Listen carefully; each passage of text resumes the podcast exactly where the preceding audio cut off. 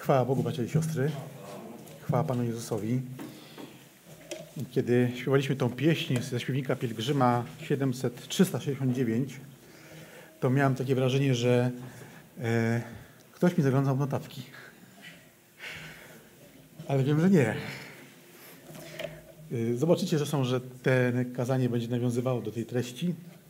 Dzisiaj rozważamy ostatnie fragmenty z Ewangelii e, Marka od 35 do, 30, do 41 wersetu. I tak podsumowując cały ten rozdział, którym mogliśmy śledzić przypowieści Pana Jezusa dotyczące Królestwa Bożego, to mamy tam kontrast i zależność. Y, Kontrast i zależność między suwerenną wolą Boga, a także możliwością wyboru człowieka, bo to w przypowieściach jest zawarte. Teraz przechodzimy do ostatniego fragmentu e, tego czwartego rozdziału. Można powiedzieć, że te wersety nas zupełnie przeprowadzają, czy wyrywają z tego takiego powolnego nauczania Pana Jezusa, które było zawarte w przypowieściach. Tam nie było dużo akcji w sensie e, w opowiadaniach jak najbardziej, ale nic się tam życiowo z uczniami i z Panem Jezusem nie działo. A cechą taką szczególną Ewangelii Marka jest to, że jak się ją czyta, ma się wrażenie, że jedna jedna sytuacja się kończy, zanim się ona zakończy, to już mamy kolejną i kolejną. E, takich bardzo szybko się to Marka wszystko toczy. Teraz znowu wracamy w ten taki wartki bieg jego Ewangelii i przeczytamy ten fragment z Ewangelii Marka, żeby zrobić takie wprowadzenie do całego tła tego, co będzie od 31 wersetu czwartego rozdziału. To przeczytam też pierwsze dwa wersety czwartego rozdziału, jako takie wprowadzenie, a później przejdziemy do 35, czyli czwarty rozdział, pierwsze dwa wersety i później 35. I znowu zaczął nauczać nad morzem, zgromadził się wokół niego wielki tłum, także wszedł do łodzi, siedział w niej na morzu, a wszyscy ludzie byli na brzegu. A on nauczał ich wielu rzeczy w przypowieściach i mówił do nich w swojej nauce. 35. Tego samego dnia, gdy nastał wieczór, powiedział do nich: Przeprawmy się na drugą stronę. A gdy odprawili tłum, wzięli go ze sobą, tak jak był w łodzi, towarzyszyły mu też inne łódki. Wtedy zerwał się gwałtowny wicher i fale uderzały w łódź, tak że już się napełniała. A on spał w tyle łodzi na wezgłowiu. Obudzili więc go i mówili do niego: Nauczycielu, nie obchodzi cię, że giniemy? Wówczas wstał Zgromił wiatr i powiedział do morza: Milcz i uspokój się. I ustał wiatr i nastała wielka cisza. Wtedy powiedział do nich: Czemu się tak boicie? Jak to jest, że nie macie wiary? I ogarnął ich wielki strach i mówili jeden do drugiego: Kim on jest, że nawet wiatr i morze są mu posłuszne? Zajmiemy się teraz tą końcową częścią y, Ewangelii Marka od 35. I zanim przejdę do tego rozważania, to będę chciał w tym rozważaniu przejść przez takie trzy pytania, przez takie trzy zagadnienia. Teraz je wprowadzę. Pierwsze jest, czemu podążanie za Panem Jezusem jest, albo inaczej, czemu podążanie za Panem Jezusem nie może być sielanką? Nie może być sielanką. Nie to, że nie jest, ale nie może być. Sielanką, czyli takim błogim oczekiwaniu ze wzrokiem wpatrzonym w niebo, żeby Pan już przyszedł i nas zabrał. Ale tak nie jest. Dlaczego? Drugie pytanie, jak Bóg sprawuje władzę nad wydarzeniami? A trzecie, takie bardziej osobiste, czy moje wyznanie wiary pokrywa się z moim świadectwem życia? I te trzy pytania będą w jakiś sposób definiować to, co będę chciał powiedzieć. Zanim jednak przejdziemy do tych rozważań, Y, chciałbym, żebyśmy jeszcze zajrzeli do dwóch innych Ewangelii, które również mówią o tym wydarzeniu, które tu też odczytaliśmy. I kiedy będziemy do nich zaglądać, to zwróćmy uwagę na to, jakie są wzajemne mm, jak się one wzajemnie uzupełniają, ale również jakie są różnice w tych relacjach. Na początek będzie Ewangelia Mateusza, ósmy rozdział, a później Łukasza, też ósmy rozdział. Tak się złożyło, że obie Ewangelie mówią o tym wydarzeniu w ósmym rozdziale. Mateusza, ósmy rozdział, 20, 18 werset, a później 23 do 27. Mateusza 8 rozdział, 18 werset, a później 23. A Jezus, widząc wokół siebie mnóstwo ludzi, kazał przeprawić się na drugi brzeg. 23. A gdy wsiadł do łodzi, weszli za nim jego uczniowie. A oto zerwała się na morzu wielka burza, tak że fale zalewały łódź, a on zaś spał. Jego uczniowie, podszedłszy do, do niego, obudzili go, mówiąc: Panie, ratuj nas, giniemy. I powiedział do nich: Czemu się boicie, ludzie małej wiary? Potem wstał, zgromił wichry i morze, i nastała wielka cisza. A ludzie dziwili się i mówili: Cóż to za człowiek, że nawet wichry i morze są mu posłuszne? I teraz przejdźmy od razu do Ewangelii Łukasza, mając w pamięci to, co czytaliśmy w Marka i Mateusza. Łukasza też ósmy rozdział, y, wersety 22 do 25.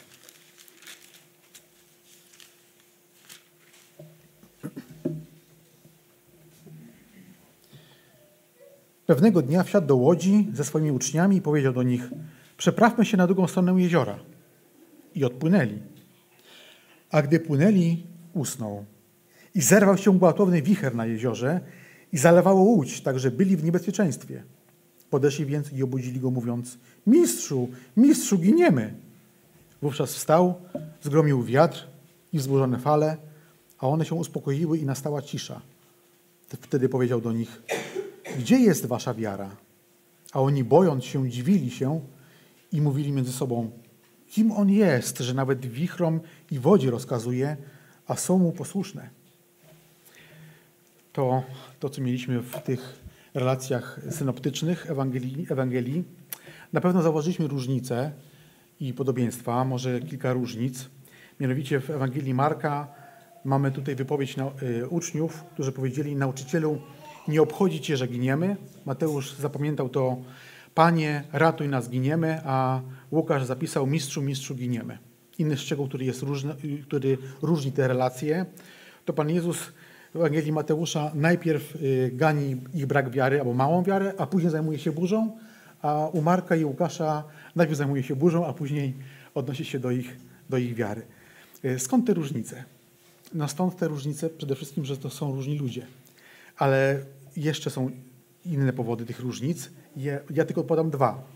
Jak wiemy, Marek pisał to, co usłyszał z relacji świadectwa bycia z Panem Jezusem od apostoła Piotra. Więc to, co Piotr zapamiętał i najczęściej opowiadał innym chrześcijanom, e, odwiedzając zbory, kościoły, no to tak też później to zapisał Marek. Więc wie tą, tą relację wie z drugiej ręki. Łukasz też wie z drugiej ręki, tylko Łukasz podszedł do tego inaczej. Wyobrażam sobie to w taki sposób, że może robił wywiady z różnymi chrześcijanami, którzy byli świadkami tych wydarzeń, no i zapisując je, zadając pytania, dopytując o coś. Zresztą mamy też, jak on o tym pisze, że dokładnie zbadał, więc dokładnie zbierał informacje, ale też z drugiej ręki. Natomiast Mateusz pisze to, co zapamiętał, będąc sam na tej łodzi i pewnie jakoś walcząc z tą burzą. Może jeszcze do tego dojdziemy. Drugi powód, który jest, wskazuje na różnicę, to to, że gdybyśmy na przykład po dzisiejszym nabożeństwie wrócili do domu, Mam nadzieję, że tak będzie. E, I ktoś, kto nie był na tym nabożeństwie, odwiedził nas w domach i zapytał, co było na nabożeństwie, to każdy z nas by jakieś pewne elementy wspólne zaznaczył, ale byłoby też dużo różnic. Osoby, które są w internecie, by jeszcze coś innego zauważyły niż te osoby, które są tutaj na żywo. To jest taka oczywista sprawa, która powoduje, że mamy różnice w tych relacjach. Byłoby dziwne, gdyby one były takie same. Oznaczałoby, że ktoś od kogoś ściągał. Ale co najważniejsze, są w tej historii, w tych trzech różnych opowiadaniach, w tej historii, takie główne elementy, które są takie same u wszystkich, dlatego że one na nich wywarły największe wrażenie. Tak, tak, to, tak to o tym myślę. I powiem takie dwa elementy. Jeden z nich to to, że Chrystus swą mocą, mocą swego słowa zatrzymuje nagle burzę, jakby ją odciął nożem, a drugi to to, że apostołowie są bardziej przejęci już nie burzą, tylko bardziej przejęci są miłością Pana Jezusa jakby zapomnieli o tym, że przed chwilą ginęli, a teraz są przejęci tym, z kim mają do czynienia. I teraz wróćmy do tego, po tym wprowadzeniu do, do naszych rozważań. Marka, y, teraz 35 i 36 y, werset, ale zacznę też z wersetem pierwszym. Zaczął nauczać nad morzem, zgromadził się wokół niego wielki tłum, także wszedł do łodzi Siedział w niej na morzu, a wszyscy ludzie byli na brzegu. 35. Tego samego dnia, gdy nastał wieczór, powiedział do, swoich, do nich: przeprawmy się na drugą stronę. A gdy odprawili tłum, wzięli go ze sobą, tak jak był, w łodzi. Towarzyszyły mu też inne łódki. Zwróćmy uwagę na dodatkowe szczegóły. To jest cecha, y, wyjątkowa cecha też Ewangelii Marka. Ona wydaje się, że jest skrótem pozostałych dwóch Ewangelii, bo jest krótsza. Tam jest wartka akcja, jak wspomniałem wcześniej, ale zawiera takie zdania, takie można powiedzieć rodzynki, które są szczególne tylko i wyłącznie dla tej Ewangelii i nie ma tego nigdzie indziej. Chociażby to, co czytamy tutaj. Gdy nastał wieczór, wzięli go ze sobą do łodzi tak, jak był. Nie mamy takiej informacji gdzie indziej. I to jest taki, ta jedno zdanie pokazuje obraz Syna Bożego całkowicie poświęconego służbie ludziom. Bo Pan Jezus nie kieruje się na kwaterę. Gdybyśmy to bardziej rozwinęli o tło, czy kontekst y, tego wydarzenia z, z tą łodzią i z całą nawałnicą, to okazałoby się, że prawdopodobnie miało to miejsce na brzegu Kafarnaum.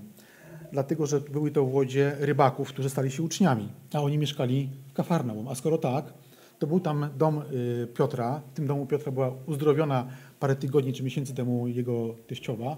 Więc Pan Jezus tam się najczęściej zatrzymał, taki można wyciągnąć wniosek, bo kiedy głosił po Galilei czy po Karnafaum, miał miejsce, do którego wracał. I te miejsce najczęściej są nazywane w Ewangeliach domem. Gdybyśmy to prześledzili, to prawdopodobnie był to dom właśnie Piotra. Czyli mógł z tej łódki wyjść, wrócić na miejsce, a już był to wieczór, tam się przespać, normalnie wyspać jak człowiek w łóżku, zjeść coś i następnego dnia zacząć działać. Ale wiemy, że jest wieczór, czytamy tutaj, że odprawił tłum i zachciał, żeby go przeprawiono jeszcze na drugą stronę. I więc tak jak stał, został tam zabrany. I jak się tak na tym zastanowić, to jest widać, że Pan Jezus swoje elementarne potrzeby zaspokaja w Ewangeliach, to widzimy, w biegu. Gdzieś tam coś zjadł, gdzieś się przespał, e, pewnie uczniowie razem z nim. E, nie jest często, kiedy ktoś jest, gdzieś jest goszczony. I nie chcę przez to powiedzieć, że powinniśmy tak Pan Jezus wieść takie same życie. Gdzieś się przespać, gdzieś w kącie albo cokolwiek zjeść, gdziekolwiek. Nie, nie o to chodzi, ale e, w tym fragmencie zauważyłem taką, taką rzecz, że w Chrystusie jest piękny wzór tego, w jaki sposób Pan Jezus podporządkowuje całe swoje życie woli Ojca. Nadał pierwszeństwo woli Ojca wszystkiemu, co robił, nawet takim szczegółom jak, jak tutaj. Każdy aspekt jego życia jest, na pierwszym miejscu jest wola Ojca.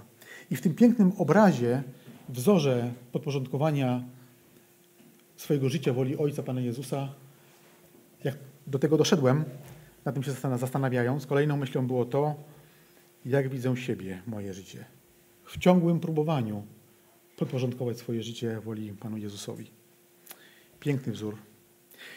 Taką rzeczą, która mi się skojarzyła też z tym fragmentem, to to, że w Ewangelii Jana mamy taką wypowiedź Jana Chrzciciela, który prawdopodobnie, kiedy chrzcił kogoś, po raz kolejny widzi przychodzącego Pana Jezusa, już wcześniej parę razy z nim miał kontakt i mówi w którymś momencie, mamy to wyraźnie zaznaczone przez Jana, e, apostoła Jana, oto baranek Boży. Mówi. I nawet kiedy to powiedział, kilku uczniów jego, Jana Chrzciciela, poszło za Panem Jezusem. Chrystus jest barankiem Bożym. Ale nie tylko barankiem Bożym na krzyżu. Chrystus jest barankiem Bożym w każdym aspekcie swojego życia. Cały czas. Krzyż był, można powiedzieć, takim zwieńczeniem Jego całej służby, Jego podążaniem do tego krzyża. Dobrowolnie poświęcającym się Bogu dla wiecznego szczęścia i wiecznego dobra ludzi, barankiem Bożym jest Pan Jezus. Też widać to w, tym, w tych kilku słowach w Ewangelii Marka. Teraz werset 37 Albo może taka jeszcze, e, takie jeszcze tło, zanim ten 37 i 38 odczytamy jako wprowadzenie kolejnej myśli. E, taka można powiedzieć e, lokalna, lo, lokalny patriotyzm może, tak to zabrzmi. Mianowicie jezioro galilejskie, albo jezioro tyberiackie, albo też jezioro Genezaret, bo te trzy nazwy są równorzędne, dotyczą tego samego jeziora, ma pewne cechy bardzo podobne do jeziora w Polsce. Jednego z największych, do jeziora Śniadrwy. E, mianowicie największa, ta największa długość i największa szerokość są bardzo podobne. Około 20 paru kilometrów jezioro Śniadrwy ma i mniej więcej jezioro Galilejskie też ma około 20 paru kilometrów w długości i w szerokości ma około 13 i jezioro Śniadrwy też ma około 13. Wszystkie inne mm, dane tych jezior są już inne, ale te są takie same, więc jeśli ktoś nas był, był kiedyś nad Śniadrwami albo może pływał po Śniadrwach, to jak sobie spojrzy na taflę wody, to to mniej więcej tak też mogło to wyglądać na Jeziorze Galilejskim. Też gdzieś tam daleko widać jakiś brzeg, ale nie wszędzie, nie wszędzie. Więc jest to bardzo duże jezioro. Takim też dodatkową informacją jest to, że to jezioro galilejskie jest położone 200 metrów, ponad 200 metrów nad poziomem Morza Śródziemnego i otoczone górami. I wszyscy, którzy znają geografię i klimat tego miejsca, piszą zgodnie, że tam zdarza się, że jest piękna pogoda, a nagle deszczyk przeraża się nawałnicę i jest bardzo nieprzyjemnie. Więc stąd też y, ta relacja, że zerwała się nagła burza. I mamy tą, ten fragment w Ewangelii Marka, 37 i 38 werset, tego przypomnę. Wtedy zerwał się gwałtowny wicher i fale uderzały w łódź, tak że już się napełniała. A on spał w tyle łodzi na wezgłowiu. To znowu jest taki dowód na to, że to musiał opowiadać o tym człowiek obeznany z pływaniem, z łodzią, bo tylko Piotr mógł zauważyć jako rybak, że Jezus nie tylko śpi, ale gdzie śpi i jak jest ułożony. To jest w tej Ewangelii. I to małe zdanie też może posłużyć do tego, do tego, żeby sobie tę sytuację wyobrazić, jak ona mogła wyglądać. Że zaczyna wiać, po chwili nagle zrywa się mocny wiatr, wieje potężny wicher, ludzie zaczynają nerwowo biegać po pokładzie, po, po tej łodzi.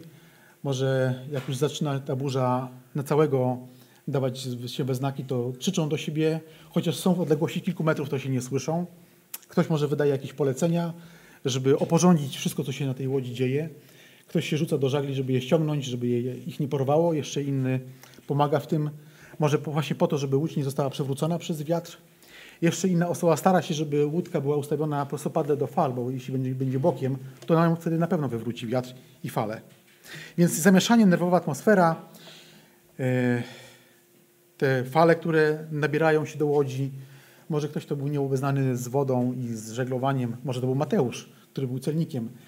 Ktoś, kto jakiegoś, jakiegoś naczynia dorwał się i wylewa tą wodę bezsensownie z wody, bo znowu fale tam napływają. Ale ludzie walczą walczą cały czas z żywiołem, nie poddają się.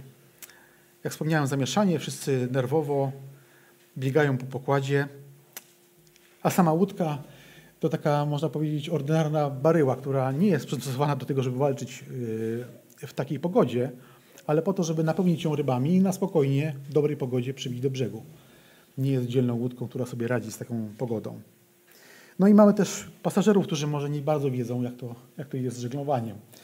Ale mamy też czterech rybaków, którzy dobrze wiedzą, są wytrawni. Andrzeja, Jakuba, Jana i Piotra. I wydawałoby się, że w takiej walce już nie raz byli, na pewno tak. Ale nie słychać w tej relacji, żeby ktoś z nich powiedział, no to spokojnie damy sobie radę. Już nie raz byłem w takiej burzy. Albo ostatnim razem też myślałem, że nas zaleje. Tak nie mówią, tylko walczą z żywiołem. Żałoga szarpie się z tym, co tu widzi. A Pan Jezus? a Chrystus sobie śpi. Wokół niego burza, a Chrystus sobie śpi. Jak się to wyobrazi, tą całą sytuację, to wydaje się ona śmieszna i wręcz paradoksalna. Jak można spać w takich, w takich warunkach? Ale tak jest. Wyrywają Pana Jezusa ze snu. Nauczycielu, nie obchodzi Cię to, że giniemy. Jak czytaliśmy w innej Ewangelii, Panie, ratuj, giniemy. I czy w tych słowach, szczególnie w tej relacji markowej, czyli tam, gdzie zapisane jest Panie, nauczycielu, nie obchodzi Cię, że giniemy, czy nie ma takiej trochę nutki wyrzutu? My tutaj walczymy, a ty sobie śpisz. Nie troszczysz się o nas w ogóle. Po prostu spa, spa, sobie śpisz i nie, nie zajmujesz się nami. Być może już w swoim życiu takie słowa kiedyś słyszeliśmy od kogoś bliskiego, może zaufanego przyjaciela, może byliśmy w trakcie wykonywania takiej, tego kogoś jakiejś czynności, która była na granicy naszych sił, naszych możliwości, albo Byliśmy już po wykonaniu tej czynności i usłyszeliśmy wtedy słowa, e, być może podobne, że wcale Cię nie obchodzę. Jeśli tak było, to było to bardzo bolesne, bo my się staramy, a ktoś nam z jakiejś przyczyny takie słowa mówi. I kiedy przyniesiemy to na ten grunt, to Syn Boży przyszedł po to, żeby umrzeć za ludzi na krzyżu, żeby ich wyzwolić z grzechów. Przyszedł umrzeć także za uczniów, a jego uczniowie mówią mu, nie obchodzi cię to, że giniemy. Pod presją śmierci pozwolili, aby ich serca, ich sercach powstała bariera między e, nimi a Panem Jezusem, Ta bariera oddzielała ich od ich Mesjasza, od miłości Pana Jezusa. Tak się dłużej zastanawiając nad tym fragmentem, nad tym, jak, jak się zachowywali uczni, uczniowie, muszę przyznać, że pod wieloma względami niejednokrotnie ich przypominam, bo też pod naciskiem różnej sytuacji życiowej zdarzało się powiedzieć Bogu, czy o mnie pamiętasz? Jeszcze tu jestem.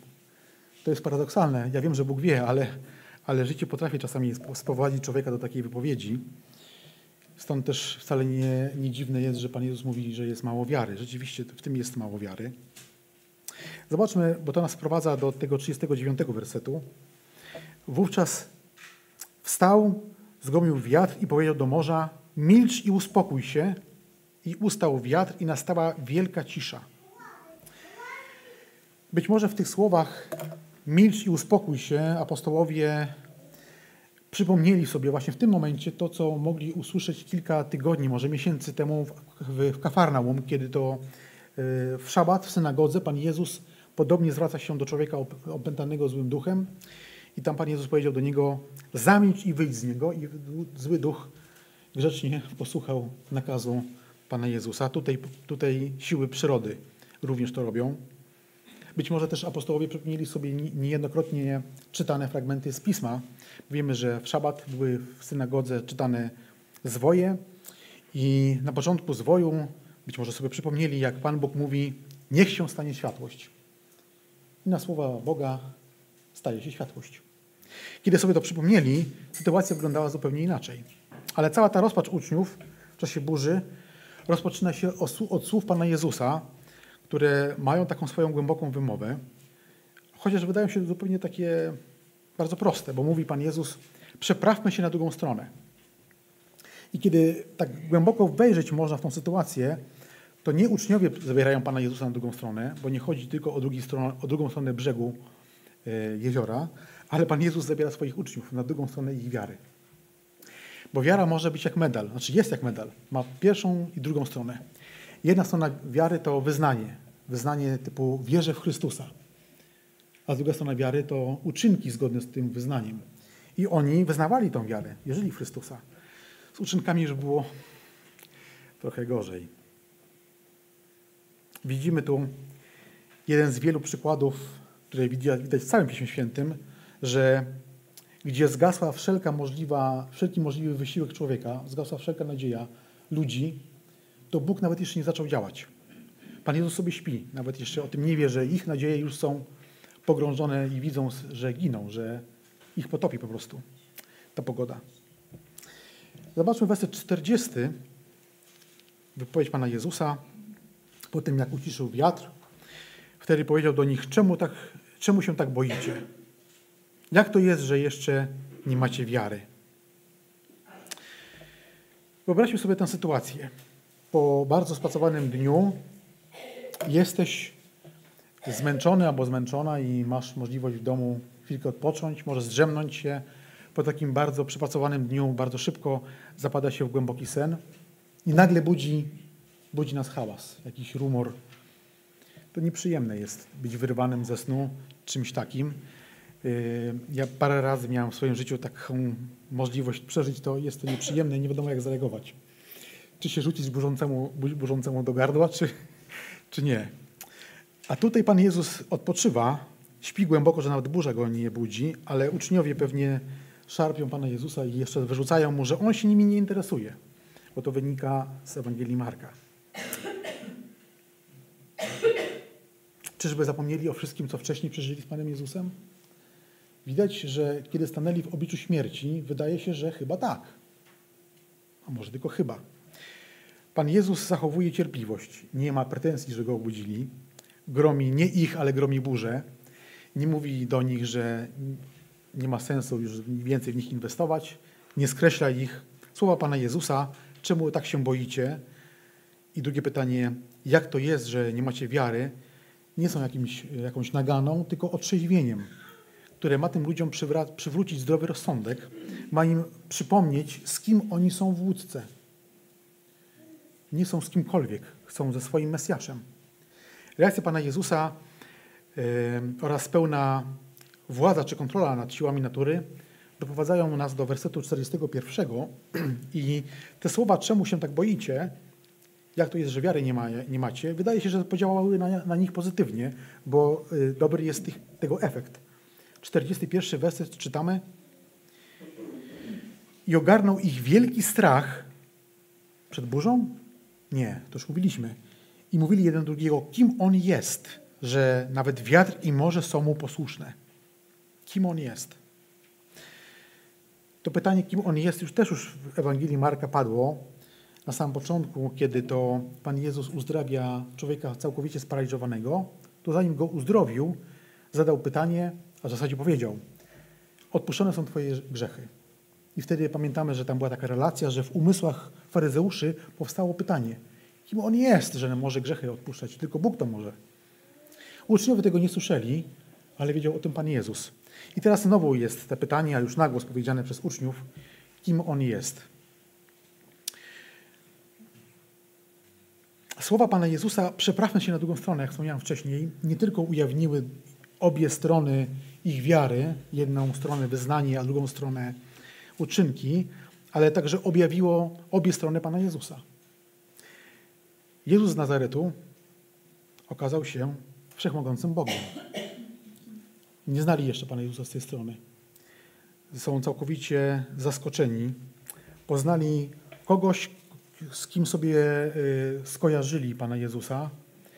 Znowu tutaj nawiążę do tego, że niejednokrotnie pewnie w synagodze słyszeli różne fragmenty z, ze Starego Testamentu i być może również przypomnieli sobie takie dwa, które musiały się im sko skojarzyć. Nie mamy takiej relacji, ale myślę, że jeśli je słyszeli często, to mogły im wtedy przyjść na pamięć, kiedy Pan Jezus ich wyrywa z, tej, z tego obłędu strachu. To jest Psalm 107, 29 werset. On nie będzie wyświetlony, także musimy go odszukać albo posłuchać odczytania. Psalm 107, werset 29 i 30.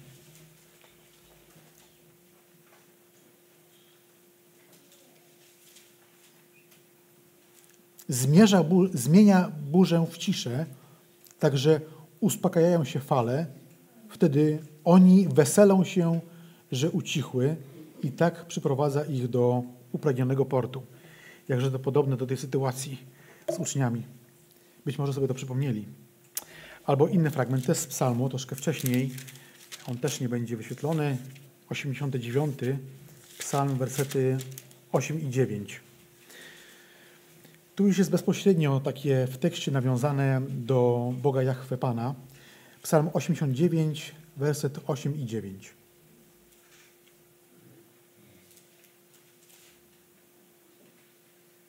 Jahwe Panie, Boże zastępów, któż jest jak Ty, Jahwe Pan, mocny? Twoja wierność bowiem Cię otacza. Ty panujesz nad wzburzonym morzem. Gdy się podnoszą jego fale, Ty je poskramiasz. Jeśli w istocie tak było, że apostołowie przypomnieli sobie takie fragmenty czy inne, jest ich znacznie więcej, to nie dziwi nas pytanie, kim On jest. No dobrze, jest Mesjaszem, Jezusem z Nazaretu, ale kim jest ten Mesjasz? Bo w ich przekonaniu i w moim rozumieniu tego ich reakcji, to pytanie wskazuje, że jest kimś więcej niż im się wydawało, bo ma pełną kontrolę nad siłami, siłami natury.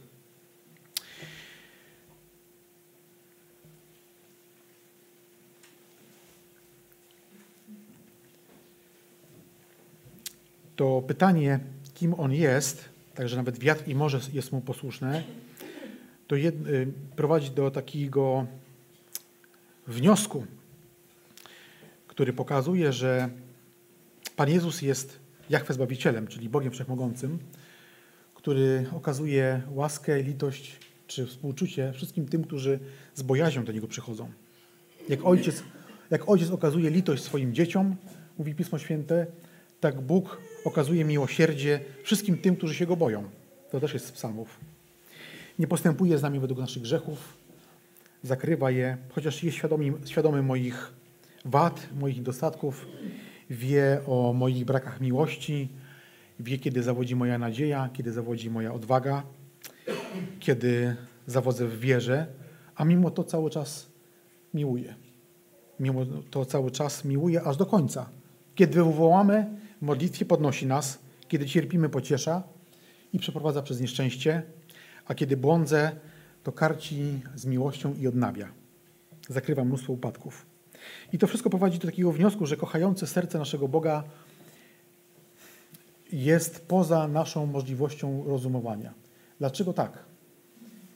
Nie nudzi się tym, cały czas okazuje tak samo przywiązanie i miłość ludziom i nie możemy tego zrozumieć, czemu, czemu tak jest. Mamy do czynienia z Bogiem, więc to możemy zrozumieć, że tego nie możemy zrozumieć, bo mamy do czynienia z Bogiem. Wykracza poza nasze możliwości pojmowania Jego osoby. Postawa Pana Jezusa wobec uczniów jest jeszcze, daje jeszcze jedną lekcję. Lekcję relacji we wspólnocie, relacji w Kościele. Mimo, pomimo to mamy, y, mamy siebie nawzajem y, po to, żebyśmy mogli okazywać sobie wyrozumiałość, cierpliwość, wrażliwość. Kościele Pana Jezusa spotykamy ludźmi z różnym wychowaniem, z różnymi poglądami. Nawet na niektóre fragmenty Pisma Świętego różnimy się w zrozumieniu, wytłumaczeniu, tam gdzie są rzeczy dość płynne, różnie do nich podchodzimy.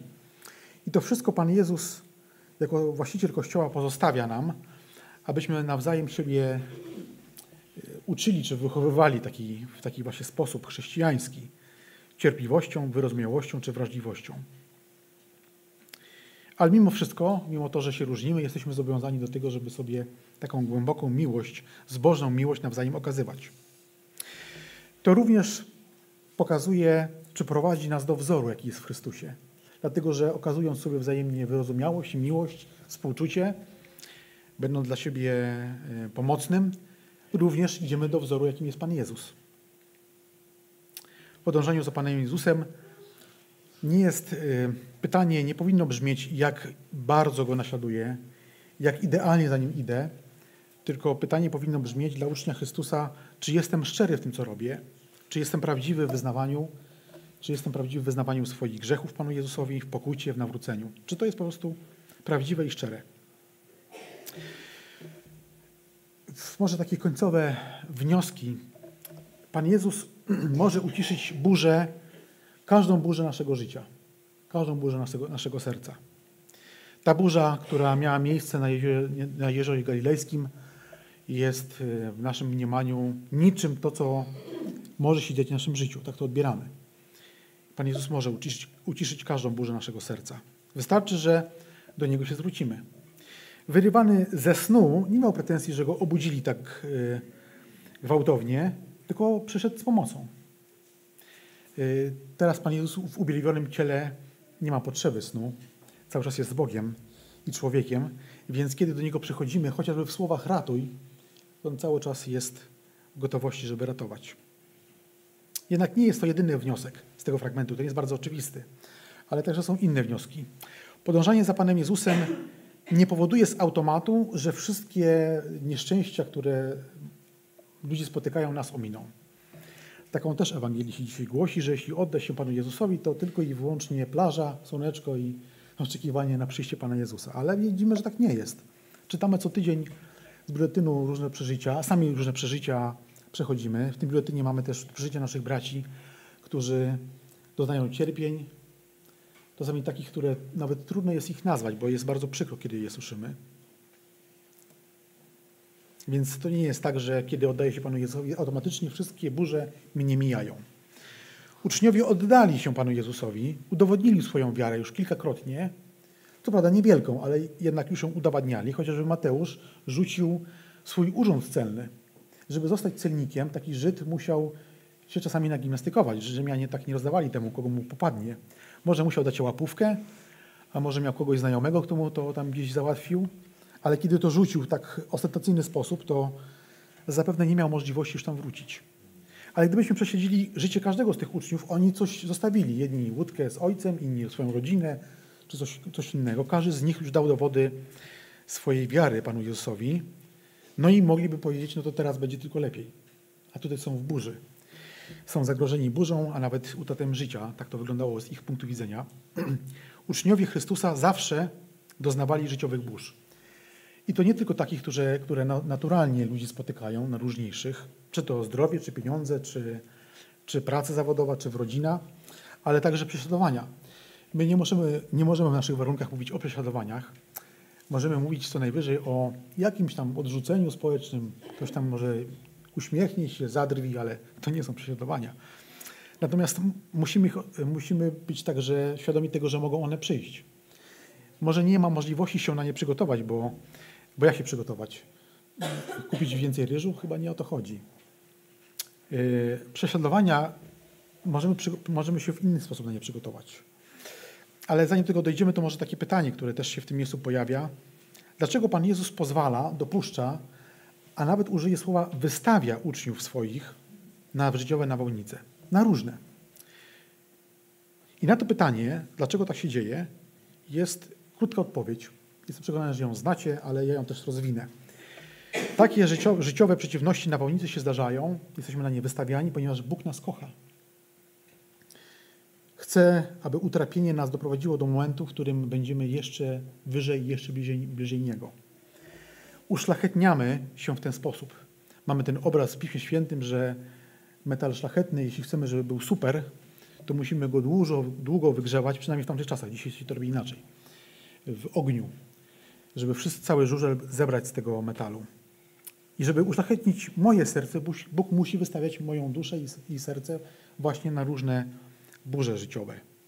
Żeby Królestwo Boże mogło się zakiełkować głębiej, żeby mogło wzrastać, to nie da się tego zrobić bez przeszkód, bo jest cały czas stara natura, ta natura grzeszna. Trudności ujawniają nasze ułomności, ujawniają moje ułomności, wiem czym się zająć, pokazują moją słabość, sprawiają, że wtedy, kiedy przeżywam jakąś trudność, to wtedy właśnie naprawdę przychodzę do Chrystusa. Modlitwa wtedy jest bardzo prawdziwa, bardzo głęboka. Chcę tej relacji z Bogiem, wypatruję Jego, Jego reakcji, chcę jak najbliżej być Niego, niemalże przygnąć do Pana Jezusa. Wtedy też łatwiej jest mi się odciąć od wszystkich e, złudnych namiętności tego świata i wypatrywać Zbawiciela. Apostoł Paweł wyraził tą myśl w pierwszym liście, czwartym rozdziale. Pierwszy list Pawła, nie, przepraszam, Piotra.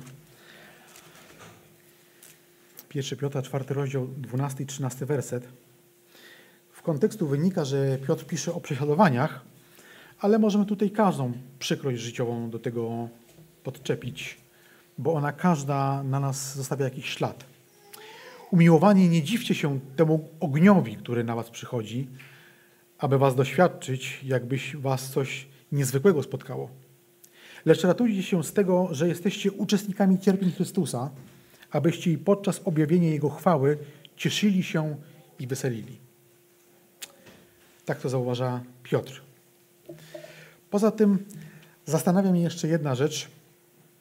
Jak okropnie skażone musi być serce i dusza człowieka grzechem, że Bóg używa takich narzędzi jak cierpienie, żeby spowodować, żeby serce człowieka było miękkie, żeby moje serce było miękkie. Często to zabiera wiele lat. Patrzę na swoje życie. Zabrało to naprawdę długą drogę i mozolną drogę Bogu, żeby zwiększyć moje serce, żebym był gotowy na przyjęcie Ewangelii. Jakże destrukcyjny jest grzech. Nawet chyba trudno jest to wyrazić. Bóg to wie, dlatego używa takich radykalnych narzędzi. Nie chcemy ich, żeby używał wobec nas. Bronimy się trochę przed tym, to jest naturalne, ale z drugiej, strony, wiedząc, że to jest dobre, to warto się temu poddać. Czy w dużo lepszej sytuacji jestem po takim przejściu i przyjęciu Ewangelii jako dziecko Boże, niż ci, którzy tego nie zrobili? To tutaj też ta odpowiedź też ma dwie strony. Z jednej strony tak, w dużo lepszej sytuacji jestem, dlatego że mam Chrystusa. A z drugiej strony nie, dlatego nie, bo dalej mieszka we mnie grzeszna natura. I wcześniej mogłem z nią iść pod rękę i mi było dobrze. Teraz nie tylko nie mogę, ale też nie chcę, bo Duch Święty daje świadectwo, że nie chcę tego robić. A grzeszna natura, grzeszna e, natura Adama, natura buntu, e, moje własne ego, pycha, cały czas chce przejąć kontrolę znowu. Znowu chcę być Panem mojego życia. Więc te trudności i zmagania muszą być, dlatego żebyśmy mogli sobie z tą naturą jakoś radzić. Moglibyśmy cały czas mieć ją pod kontrolą. Dobrze to rozumiał psalmista, bo napisał takie słowa: Dobrze mi, że mnie utrapiłeś. W innym przykładzie czytamy: Dobrze mi, że mnie upokorzyłeś, abym pamiętał Twoje przykazania, abym nauczył się Twoich przykazań. To jest Psalm 119, werset 71. Psalmista mówi, że dobrze mu, że Bóg go upokorzył, bo pamięta albo nauczył się Jego przykazań. I nie chodzi o to, że Bóg nas stresuje jak my zwierzęta. To nie chodzi o stresowanie. Chodzi o to, że kiedy jesteśmy w utrapieniu i przez nie przechodzimy, to wtedy chcemy być w takiej, w takiej bliskości z Bogiem. Byłoby piękniej, żeby ta bliskość została już na kolejne, na kolejne wydarzenia. Ale Bóg w taki sposób właśnie nas do, ciebie, do siebie przyciąga. Kiedy słuchamy jakichś świadectw, to najczęściej, może nie wszystkie, ale najczęściej jest tak, że ludzie mówią, że był, byli gdzieś na dnie. I z tego dnia, dna Bóg ich wyrywa. Gdyby nie to dno, to może by nigdy nie pomyśleli o Bogu, że jest ktoś, kto za nich oddał życie. Kiedy przechodzimy utrapienia, to wtedy też, kiedy one mijają, albo kiedy jakieś wnioski wyciągamy po tych, po tych trudnościach, to dochodzimy do takiego samego wniosku, dobrze było, żebym dochodził do takiego samego wniosku, do jakiego doszedł Hiob.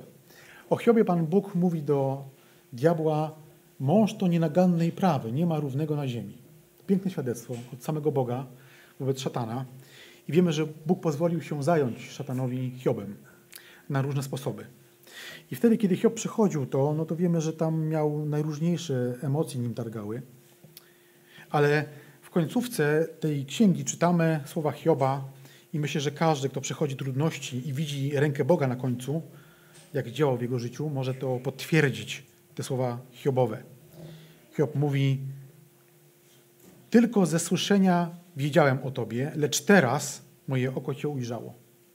To znaczy, że wcześniej jego pobożne życie, chociaż był pobożny, wiemy to z relacji z Księgi Hioba, no i z tego, co Bóg o nim powiedział, to było tylko i wyłącznie namiastką tego, co poznał, jak poznał Boga, nie ze swojego pobożnego życia, tylko wtedy, kiedy się zderzył z tragedią. Y, nie miałem takiej tragedii jak Hiob, nawet się o nią nie otarłem, więc daleko mi do tego. Ale z tego, co miałem, to potwierdzam, że to zdanie jak najbardziej jest prawdziwe. Można pod kłopocie jakimś, w którym Bóg człowieka przeprowadza, nie chodzi o raptowny ratunek. Bardzo często chodzi o to, żeby przeprowadzić nas przez to. Możemy powiedzieć, teraz naprawdę widzicie moje oko i za każdym razem to oko dostrzega jeszcze więcej Boga. Jeszcze lepiej Go poznajemy.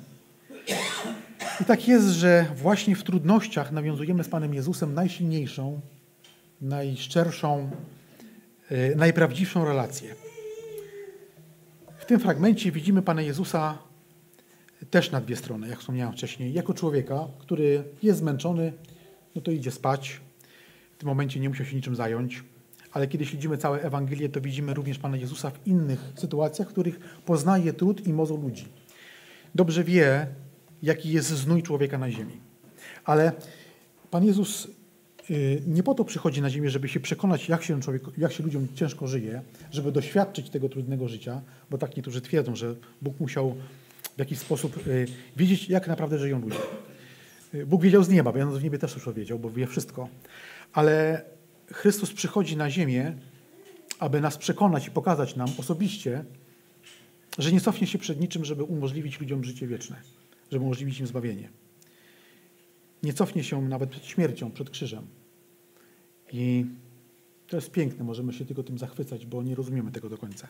Przynajmniej ja nie rozumiem. W tym fragmencie także widzimy Jezusa jako wszechmocnego Boga, który swoim słowem dokonuje swoją wolę i panuje całkowicie nad swoim dziełem. Jest tu lekcja, że nie ma duszy tak czarnej od grzechu, nie ma takiej burzy namiętności w moich grzechach, żeby Pan Jezus nie mógł sobie z nimi poradzić. Żaden człowiek nie powinien rozpaczać w, w jakimś utrapieniu, w jakimś grzechu, twierdząc, że już teraz już jest po nim.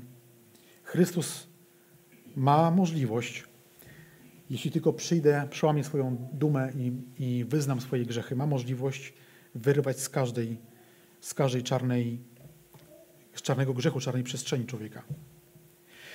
Wyznając pokucie swoje grzechy, przyjdź do Chrystusa, przyjdź do Zbawiciela. A kiedy już mam to za sobą, ten moment, w którym pokonałem własną dumę i, i pychę i przyszedłem do, do Zbawiciela, i powierzyłem Panu Jezusowi swoje życie w każdym przypadku, to też nie powinienem rozpaczać, kiedy trafię na ścianę. Oczywiście rozpaczamy wtedy, to jest naturalne, ale ta myśl o tym, że mamy kogoś, kto dobrze widzi naszą sytuację i może w każdym momencie ją przerwać, jeśli tego nie robi, jest tym jakaś większa lekcja, jakaś wyższa myśl. Każdym, razie, w każdym razie też nie musimy rozpaczać, kiedy dojdziemy do ściany czy do końca naszej podróży. Zbawiciel przeprowadzi nas na drugą stronę i wtedy też zapewni ukojenie. Żadna życiowa burza nie ma znaczenia. Nie może nas skrzywdzić, nie może nas odłączyć od Boga, jeśli jesteśmy z Chrystusem w Jego łodzi, to jesteśmy bezpieczni. Amen.